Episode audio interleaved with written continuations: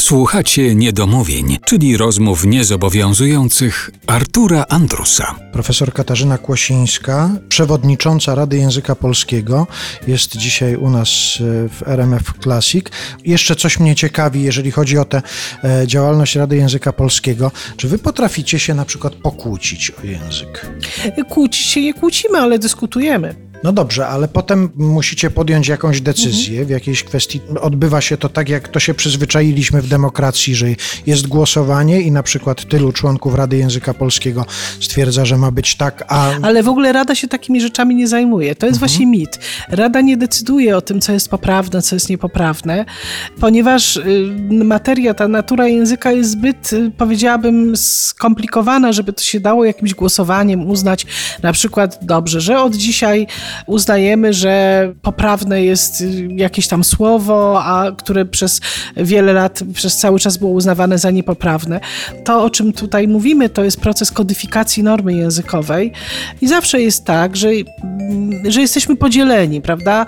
Część ludzi, nie wiem, ja na przykład, mnie na przykład ciarki przechodzą, kiedy słyszę takie zdania, że krem jest dedykowany do tego rodzaju cery, albo e, akumulator dedykowany do tego rodzaju samochodu. No zawsze się mówiło przez przeznaczony, dopasowany i tak dalej, a nie dedykowany. I to mnie po prostu strasznie razi, ale jest też bardzo to niestety rozpowszechnione. I o czym to świadczy, że to jest rozpowszechnione? No o tym, że wielu z nas to jednak nie razi, że ludzie uważają, że jeżeli powiedzą, że, że zjadł na przykład w, wagonie klasy pierwszej pociągu posiłek dedykowany właśnie, to uważa, że to po prostu jest coś normalnego.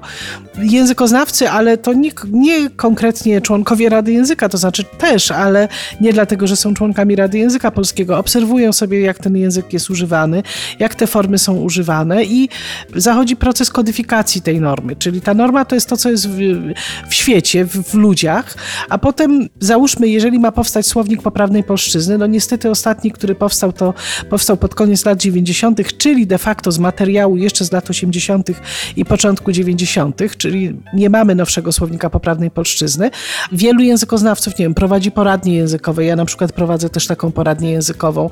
Czy no, jakieś kąciki takie radiowe, czy w prasie poświęconej językowi. No i teraz ktoś na przykład by mnie zapytał, no co z tym dedykowanym? No, no to bym powiedział, znaczy i mówię, że pewna część społeczeństwa tego nie akceptuje, jakaś część to akceptuje, czyli to jest takie trochę na dwoje babka wróżyła. Nie da się jednoznacznie powiedzieć, czy to jest takie niepoprawne.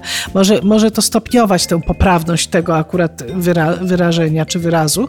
I na tym właśnie powiedziałabym polega y, taki proces rozpatrywania tego, y, czy dana forma, czy dany wyraz jest akceptowalna, czy nie społecznie, i czyli jak się ta, tworzy ta norma językowa. I teraz właśnie Rada Języka Polskiego jakby no, nie dałoby się tego przeprowadzić w formie takiego, no nie wiem, głosowania, prawda, tego siedzenia, siedzimy i decydujemy. I co z tego nawet, żebyśmy zadecydowali i powiedzieli teraz, że no proszę Państwa, dedykowany to jednak tak nie używajcie, bo, bo, bo to nie jest zbyt dobrze. Ja myślę, że ludzie, którzy chcą się tego dowiedzieć, no to mogą sobie to znaleźć w różnych poradniach, e, w różnych e, właśnie artykułach o języku, takich artykułach popularno-naukowych.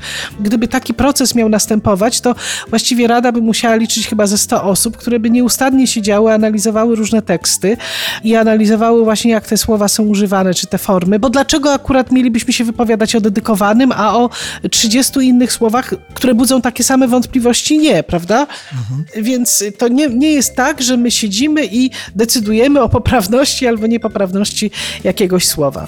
Czyli nie ma tak naprawdę instytucji, która jest wyrocznią nie ma. w kwestiach języka. Nie, no to co są, powiedziałabym, to są różne poradnie językowe, to są, my się też wspieramy między sobą, bo to, że ja widzę jakąś formę w określony sposób, postrzegam ją, wcale nie znaczy, że inni moi koledzy czy koleżanki językoznawcy będą w ten sam sposób to postrzegać. To nie jest y, właśnie, mm, nie wiem, budowa mostu, gdzie mamy wzory matematyczne, fizyczne, które nam powiedzą, że jeżeli jeżeli dodamy tyle cementu, to, czy nie wiem, cementu, czy czegoś tam innego, to ten most się zawali, a jeżeli dodamy trochę więcej czegoś innego, to on będzie stabilny.